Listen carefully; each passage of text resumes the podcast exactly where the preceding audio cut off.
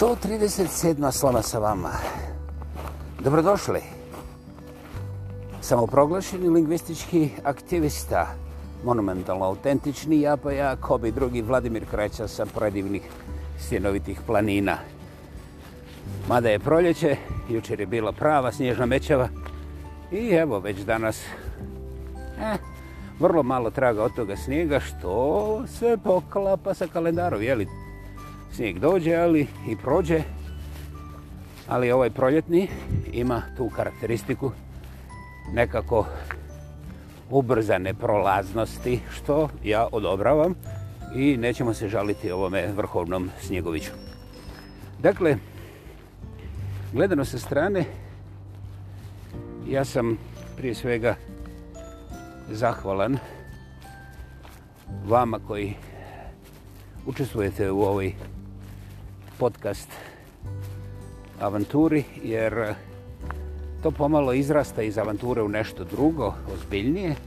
I ja se plašim da ne bude previše ozbiljno, pa ću svakako držati oko na toj strani priče, jer mi ne želimo ovdje nikoga poučavati, mi želimo eto, razgovarati i pri tome biti oslobođeni formi, kao na primjer političkih, religijskih, i ne znam već kojih možete zamisliti iz vrlo jednostavnog razloga. Ne, ne, ne, ne. Ne činimo mi nikakvu revoluciju, mi ne menjamo ničije forme, jer e, to odmah otvara frontove i ratove i sukobe i nije da se ja toga plašim, jer ja sam prvi za rat. Ja nikad nisam bio za mir. Samo moj rat je rat uma, duha i sluha i to je borba koja čak i kad je nepriznata, traje. Znači, postoje ljudi koji su ovako malo, kako bi rekli, ovaj, baš tražim rješnik.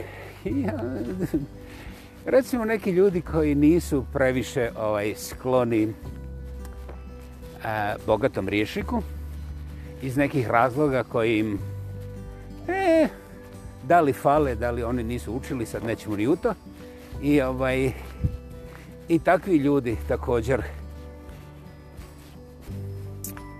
učestvuju u borbi uma, duha i sluha.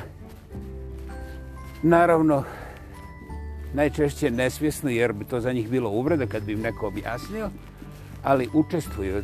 Dakle, e, najkraća stvar koja je jednostavno jasna svima i ne treba mi nikakav konsenzus, pogotovo neslaganje, je to da mi se upravo sada svi skupa krećemo nevjerovatnom brzinom. Ja ću to ponoviti milijon puta ponavljam, naime oko svoje osi. Evo, ja ću samo ponoviti dva kretanja. Oko svoje osi planeta Zemlja se kreće sko, sa skoro nevjerovatnih 40.000 km na sat. To generira neke sile, nećemo sad o kompleksnim stvarima, koje nas dobrim dijelom drže na planeti. Nismo se razbucili po svemiru, ono da odletimo. Ali istovremeno ta kugla koja se vrti oko svoje osi 41 km na sat, ima preko 120 130.000 km na sat na svom cikličnom putovanju okolo Sunca.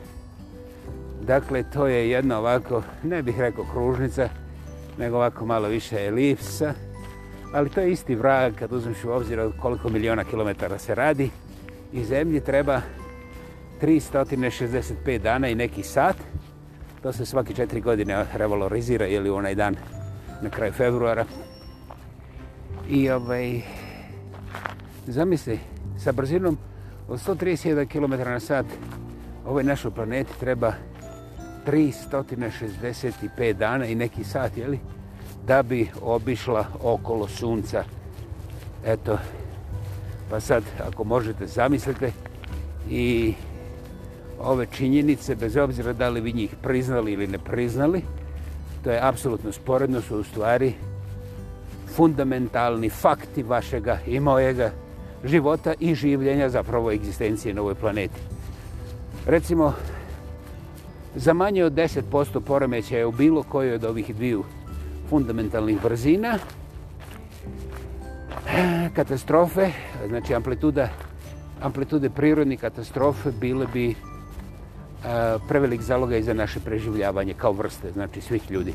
Čak i oni koji su lepi, mladi, pametni, plavi, visoki, ja ovo sad mi rastu brko, znači imam i brčiće, i skromni svakako, to ste pogodili. Dakle, čak i takvi, mislim neopisivo lepi i tome slično, bi ovaj, stručno govoreći latinski izraz se zove prdnuli u čabar, bez upitnika, ne bi bilo diskusije, naime, mama priroda, gospod Bog, ovaj, kad pobrčkaju te brojkice, neće biti nagađanje da li je 2%, 7% ili je 9%, jednostavno neće. I to je ono gdje staje sve. Ha, nije tako.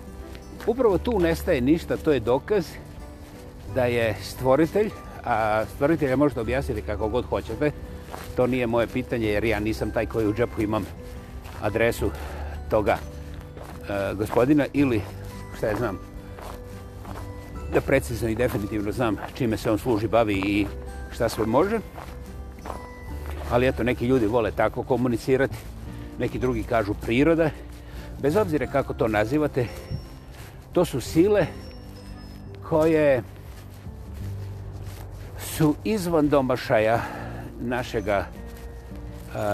ljudskog intelektualnog kapaciteta i to je nešto što uh, generacijama ispred nas će uh, izazivati najbolje i najveće umove da raspravljaju, promatraju, analiziraju, odvjeravaju i naravno cijelim tim putem da uče od te prirode.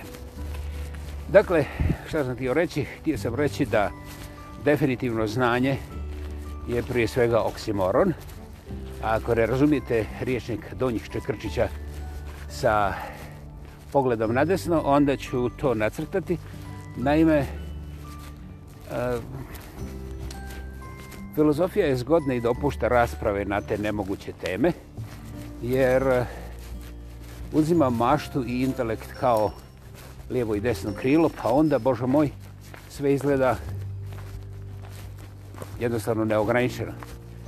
Na kraju krajeva, kada bi gledali prirodu svega, to je tako, ali da li je sve ograničeno ili neograničeno u praktičnom smislu baš ograničenosti, ne igra nikakvu ulogu, jer mi sve završimo u 10 dolara. Da li imaš 10 dolara za doručak ili nemaš? I onda poslije toga, ne pite me ništa, čovječe, pusti me, ovaj, mislim, imam još nekog posla, dok ne dođe ručak. Dakle, e, nekako slično kao sa tobnim svinjama, slobodno se nađete uvrijeđeni, kada dođe vrijeme obroka, te su sve svinje onako vrlo glasne, vrlo brzo se kreću i naravno to je zauzimanje pozicije, za iskorištavanje prehrambenih artikala na najbolji i brži, na najbolji i najbrži mogući način, ali kada se najzad desi nakrcavanje stomačnih otvora, ovaj, onda sve te svinje odjednom eh, u nekako utihnu, nisu više ratoborne, ne guraju jednu drugu, nego se hvata običan prostor što dalje od hranilice, jer tamo uvijek neko hoda ili radi neke druge stvari i onda se umiri. Dakle, da li sam ja rekao da su ljudi svinje? Znate, he, kažite mi šta hoćete, šta možete, šta ovim je milo, šta volite čuti. Ovaj, ja ne nalazim nikakvo uživanje u lijepljenju etiketa nekome ili nečemu iz zilion razloga koje je ovdje neću sada listati, nekom drugom prilikom ponešto od toga, ali mislim da ovaj crtež kako u vrijeme tih dnevnih rituala za hranu i ljudi i sve žive hm, životinje, jel? E, ni to ne zvuči previše lijepo. Ali i ljudi su neka vrsta životinja. Znači, Sve što je živo u vrijeme obroka bude uzbuđeno, kreće sa ovom, kreće sa onom, da uhvati što bolju poziciju, što bolji komad. A kada se napuni, popuni, dopuni i kada se e, preko svega toga prelije nekakva voda, onda, znaš, postoji samo jedan interes kao nova dominanta, a to je nađi mjesto gdje se prilegne često i ovoga pusti da ta hrana, jeli, odradi svoje. Dakle, nekakav mir, nekakav smanjeni obujam aktivnosti u bilo kojem smislu. Eto. Dakle, tu nema ništa nova. Međutim, mi i dalje ne vjerujemo da je to tako. Otkud meni to palo na pamet? Pa, znaš, prakticirao sam i sam nešto što je suprotno tome, jer mene bi prije vrlo malo godina ranije ovakva jedna observacija gotovo vrijedila, ja ne bi ni slušao čovce, jer otkud ja i da, se, da imam nešto zajedničko sa svinjom. Znaš, bez ikakve uvrede, sve fundamentalne ove točkice, prije svega egzistencije, su nam identične. Znaš, ona brzina spomenula, znaš, znaš, planeta ovako, pa onda još oko, u svemiru onako, znaš, bez te dvije stvari ni ona svinja ni ja na isti način ne postojimo.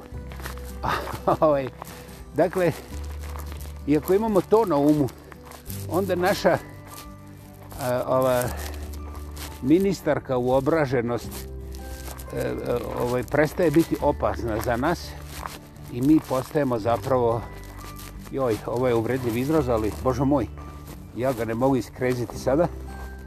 Postajemo normalni, postajemo... Znate, ima priča ono normala, normalni i te stvari, najnormalniji. Mislim, to je, to je pornografija um, bez intelekta. Ja ne vjerujem u to da postoji normalniji, znate. To je ono kao da postoji neko ko je muški, pa onda ima muškiji.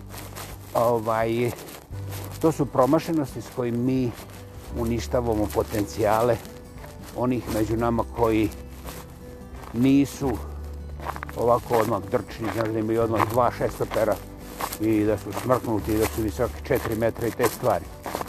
Ovaj, I kada izbacimo te etikete, znaš, onda ćemo primijetiti da ovi mali žgoljavi, gotovo ženskosti koji znaju kako se pokreću ti gumbići, da oni mogu sjediti u fotelji, recimo, to nije nikakva novost, to je već nekoliko decenija realnost, sjede tu i onda mrdeju preko satelita neke spravice u pustinjama Iraka ili Afganistana i sa dušmanskom preciznošću ovaj, opale vrlo razorne bombe. Dakle, ono što najveći muškarčine ne zna ni kako funkcionira, ti mali zgoljevi kao muškići koji pomalo liče na baletane, a znate šta su baletari, ne, nećemo ovdje oni su u stvari otrovni i razorni od diviziona Marka Kraljevića pa i Musa Keseđi ako vas baš zanima kad već govorimo o detaljima. Dakle, a da, ovaj, vama koji ste malo više u ovoj temi mogu reći što ste već primijetili. Stereotipi ubijaju svoje autore i mada stereotipi nisu apsolutno šuplji, upravo u tome je njihov problem. Ponašaju se kao alkohol. Prva čašica, možda druga, koja je još opasnija od prve, ovaj, mogu čovjeku donijeti nekakvu korist. I poslije toga nema se šta brojati sve je promašaj, sve je ogroman gubitak. I, nažalost, većini pijandora treba proći cijeli život. Naravno, sva, a, svo zdravlje, bez obzira koliko imaju para, jer neki, neki pijandori uopće nisu ove siromašne.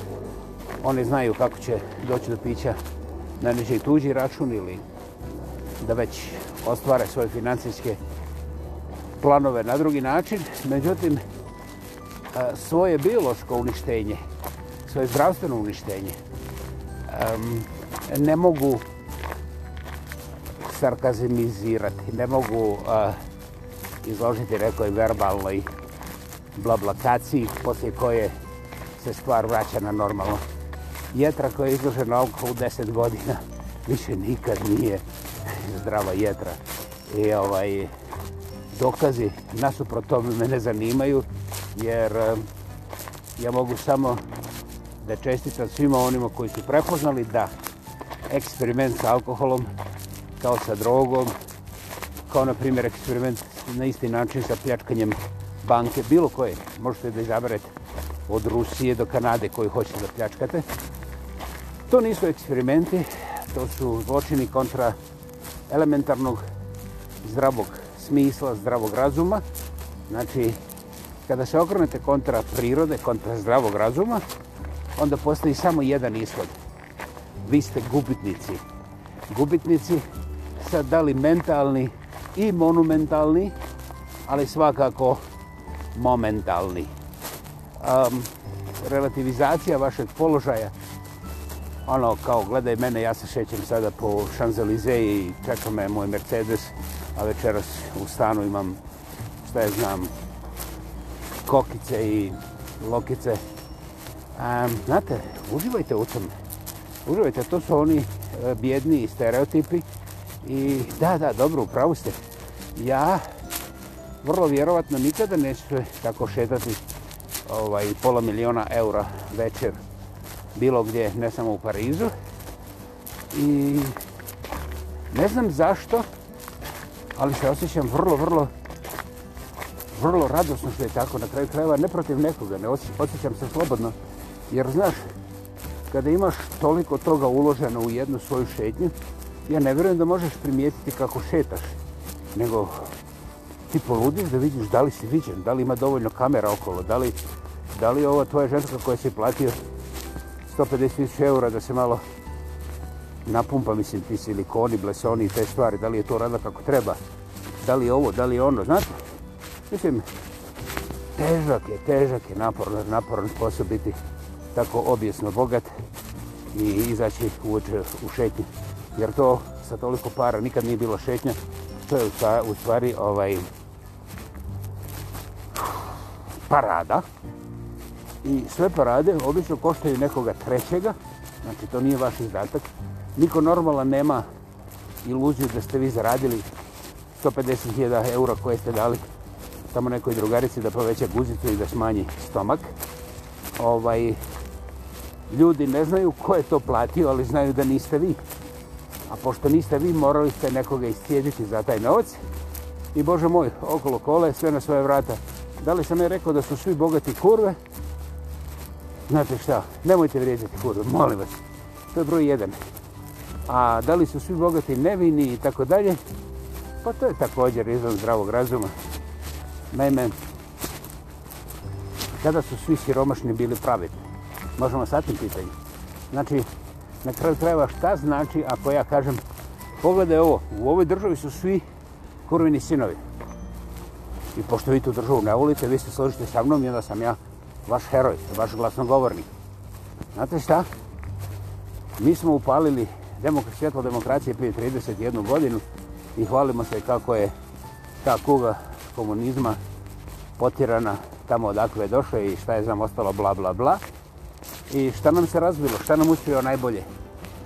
Pa taj bijedni seljački fašizam, pljuvinizam, pljuvinizam, pljuvinizmi svih vrste pljuc, pljuce, oni tamo su preko ograde, ovakvi i onakvi ide, to, to i ja znam, evo vidiš. I ovaj, šta nam se još razvilo? Da, rasizam nikad nije odustao, čak ni za vrijeme komunizma, pogledajte Kinu danas. I ovaj, Dakle, to kad ćemo mi istraživati, očigledno, što čak i kad istražimo, kad imamo sve detalje, kada nam stavi, recimo, nekakav superkompjuter, sve informacije o tome koliko je neko platio povećanje ili smanjenje svoje guzice i odakle je taj novac, to šta ćemo raditi? Trčat ćemo da pozivamo policiju? Ne, ne, mi smo gotovani koji će učiniti sve, doslovce sve, da se izborimo za prvi sljedeći vlak u pravcu iz kojeg je ovome pojedincu koji je već potrošio 150.000 eura na to guzu, odakle je njemu došao novac. Znači, mi, mi vjerujemo da mi na istom mjestu možemo da ukokamo najmanje 300.000 eura, jer ovaj je, mislim, ovaj je, znaš, ono kao, jes, neki lijevo desno, ali ja sam uzbolji, bio bolji. Eto, to je, to je nekakav običan svakodnevni čovac, sad da li na ulicama Kravograda ili Čekrčića ne vidim preveliku razliku, osim možda da ovaj ima šešir, a ovaj nema ništa jer još nije očelavio. Dakle, drago moje gospodo, e, nisam ni pomislio na istinu, ne zanima me jer e, ganjanje istine dođe do... um, dođu do nekakvih, e, recimo, neću reći, a svi vi koji ste pokušali vrlo dobro znate, ali u tome procesu neki od nas postanu mazohisti i kažu kad tad. Znate, nevolja sa kad tad je potpuno lutrijska tvrdnja koja je istinita. Naime, ako imate neograničeno novca i igrate loto i šta je znam, svakog, svakog vikenda puknete po šta je znam, 50-100 kombinacije, ovaj, onda kad tad je garantirano. Jedino nije garantirano da li će to biti u, vaše, u vrijeme vašeg života ili kada vi, na primjer, pređete 147 godina života, pa onda se ih postavi da ste od tih 147, 98 proveli na groblju i, i onda neće biti na groblje isporuke toga glavnog groblja. A, da, trebaju uplativati lote, čak i ako ste mrtvi, ako hoćete da dobijete. Dakle, kad tad je vrlo opasno, jer većina sad im umire. Većina sad im umire i taj kad tad im se ne ispuni. I tu ne treba kriviti nikakvog Boga, čak ni onog njihovog, jer da ste savladali elemente te primarne matematike, te zv algebre, onda bi primijetili da ta komponenta vremena može biti vrlo neugodna. Naime, sve je poznato, jedino se ne zna kad.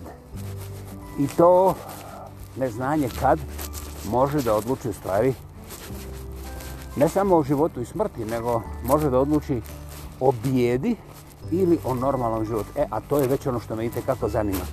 Dakle, mene zanima kvalitetan stabilan život. Mene zanima ne da budem siguran da je 100% dokazano kako ću ja kad uplađujem 100.000 kombinacija kad tad pogoditi precizno a, lutrijsku premiju, jer Ako primitim da 100.000 kombinacija košta, recimo ovdje u Kravogradu, 100.000 dolara. 100.000 dolara je jedna lijepa godišnja plata. A ja četiri puta mjesečno u potrazi za milionima uplatim po 100.000 dolara. Znači, u svijetom mjestu uplatim 400.000 dolara, što je na kraju godine 5 miliona dolara. I pitam se zašto mi je život bjedan, ali sam siguran da ću jednog dana uhvatiti glavni loto koji je ovdje maksimalno za sada može biti 60 miliona. Znači, ja vjerujem da ću u periodu kraćemo 12 godina uloviti 60 miliona. A koliko ću kamat izgubiti na novcu koju već imam, ulažući u papira, koji su sami po sebi šarena laža, odnosno slučajna slučajnost, primjećujete već o čemu govorim. Dakle, dragi moji, sve odgovore imate da li Bog, da li priroda, izaberite ko vam je to već dao, ali svi brojevi su ispred vas. Slow down, go slow! Oh. Eto ga, dakle, draga moja gospoda, e, ovo je također još uvijek crtaž ne za stereotip, može, da, to je jedan od onih najsnažnijih e, Meni je zanimljivo što državne agencije uopće ne pogledavaju na ovu stranu i kada tražite ove kalkulacije za te najrazličitije statističke presike i kretanja u jednom društvu. Hoćeš li sad e, Zimbabwe, hoćeš šta znam, Argentinu, Kanadu, Njemačku.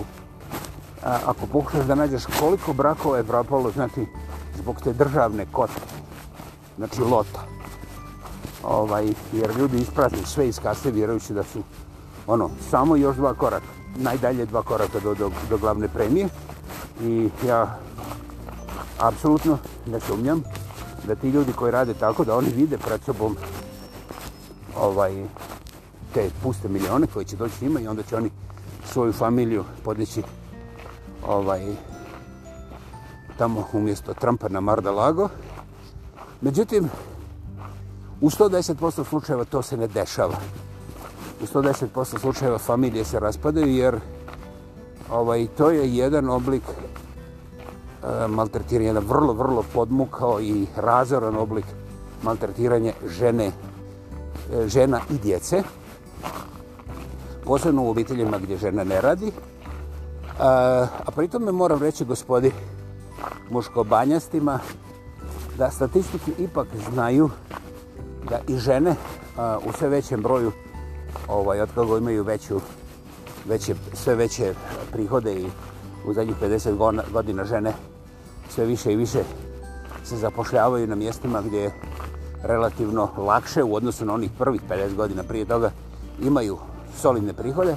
Tako da postoje vrlo jasni podaci kako žene od prije 50 godina sa nekog sa nivoa ove statističke greške u tom kockarskom svijetu, danas se zauzimaju svake godine sve veću i veću poziciju, što je zastrašujuće, žene zapravo postaju ti kockari, tako popunjavaju tu svoju samoću i te svoje iluzije.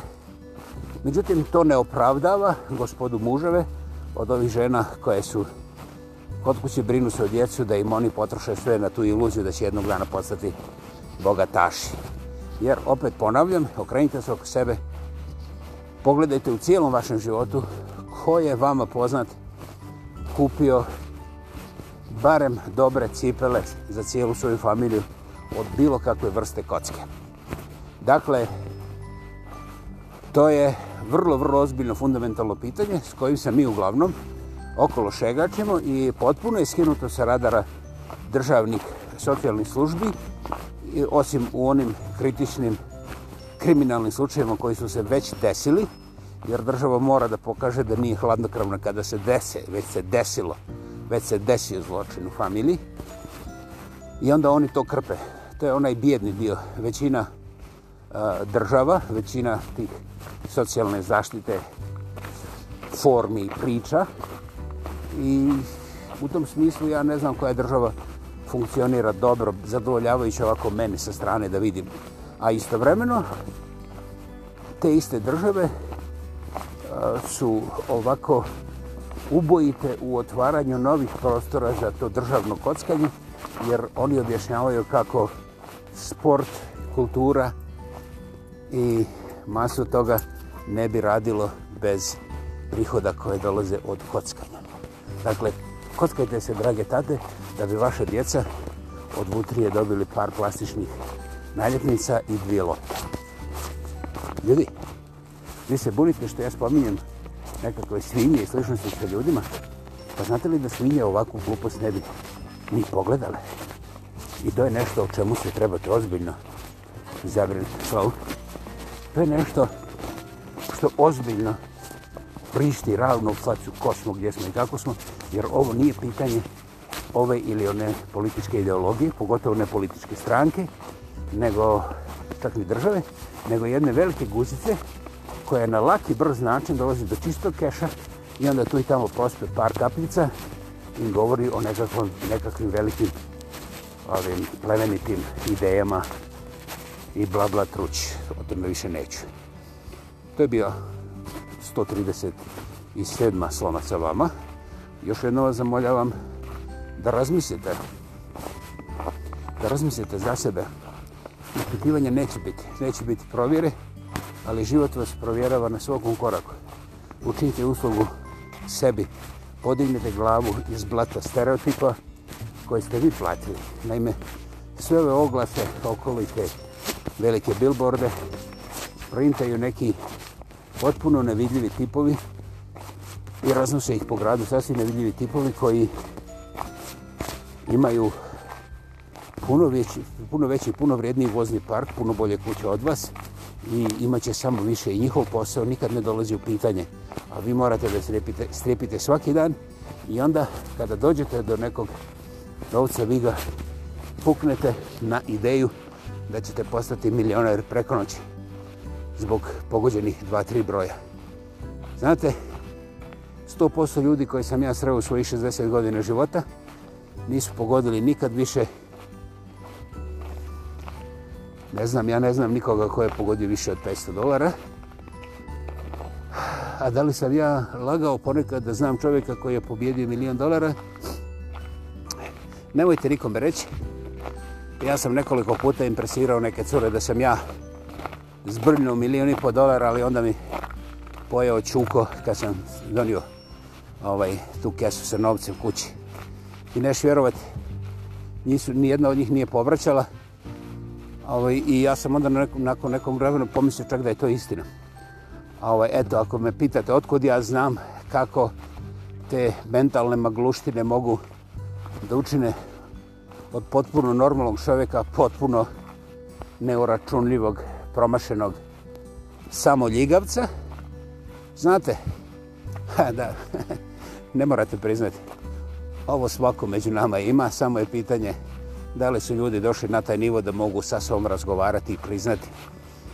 Ovaj, dakle, kada sam ja počeo razgovor sa sebom, onda ovaj, više nije bilo čuke koje je pojao moje milione koje sam pobjedio na lotu i ovaj ima već uh, više od dvije, tri decenije kako ja ne mislim da će moj loto pomoći lokalnoj školi da dobije dvije plastične lopte jer eto Lutrija dijeli to pravedno u moju community, u moju zajednicu. Znaš, fakultet završim pet puta prije toga, ali za ovo je trebalo pet puta više vremena nego za fakultet. Interesantno. Provjerite kako stoji stanje sa vama, otkrićete da ste već milioneri i da već imate zdrav život i uzmite ga, to je vaš. Ne treba vam dodatno oružje i ne morate ići na proteste, ne morate dići revoluciju i ne morate čak ni slušati mene. A uživajte. Kao što vidite, život je predivan, samo ga mi uporno kompliciramo iznova na svakom koraku. Priča sa Lutrijom je samo jedna usputna pričica koja, mada, jedan mali sitni detalj u cijelom spletu svih priča kojima smo izloženi, ipak ima kriminalno razoran efekt na naše familije, na naše porodice, pa čak i na te communities koje dobivaju te plastične lopte. Dakle, ne morate mijenjati odmah svoje lokalne političare, ali ako promijenite sebe, učinili ste suštinsku promjenu.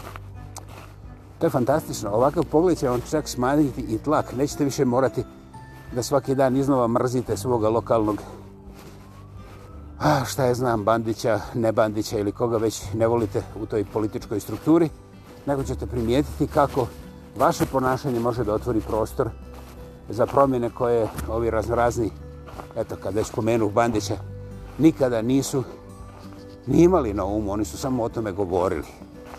Izvolite.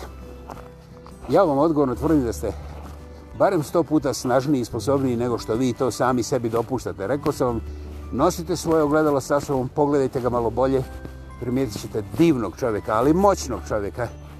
I uzmite kormilo svog života u svoje ruke. Zato vam ne treba ničije dopuštenje. Dakle, 137. sama sa vama, vrlo jasno, bez imalo ustručavanja ili izvinjavanja. Rekao sam, ja sam rekao što sam stekao, a, u promisljanju svog vlastitog života i prve, posebno sam počešćen što mogu neumetano da isporučim to i vama. I sad, ako niko ne reagira, ja sam siguran da će, šta je znam, recimo, za 100 godina, neko poslušati jedan fragment od ovoga i ja ću opet biti snažan i ponosan. Dakle, a, a kako znam da već sada ovaj podcast ima ohoho, oh, brojeve, znači to je ono što ja vidim s ove strane, onda, oh, drago Bogu, hvala, vi ste ogroman postrek, čak i kad vas ne vidim i bez vas ja ne bih stigao do ovdje u smislu javnog artikuliranja tih misli koje nisu revolucionarne same po sebi, ali imaju ultimativnu snagu svemira mira koja stoji u vašim rukama, ja dijelim sa vama spoznaju koja je u vama, za koju vam ne treba dodatni fakultet i vjerujem da ćete uzeti ogledalo i prepoznati svoga heroja upravo u vašem ogledalu. To je fantastično, bez obzira da li navijate za plave ili bile, bez obzira da li ste muški ili ženski.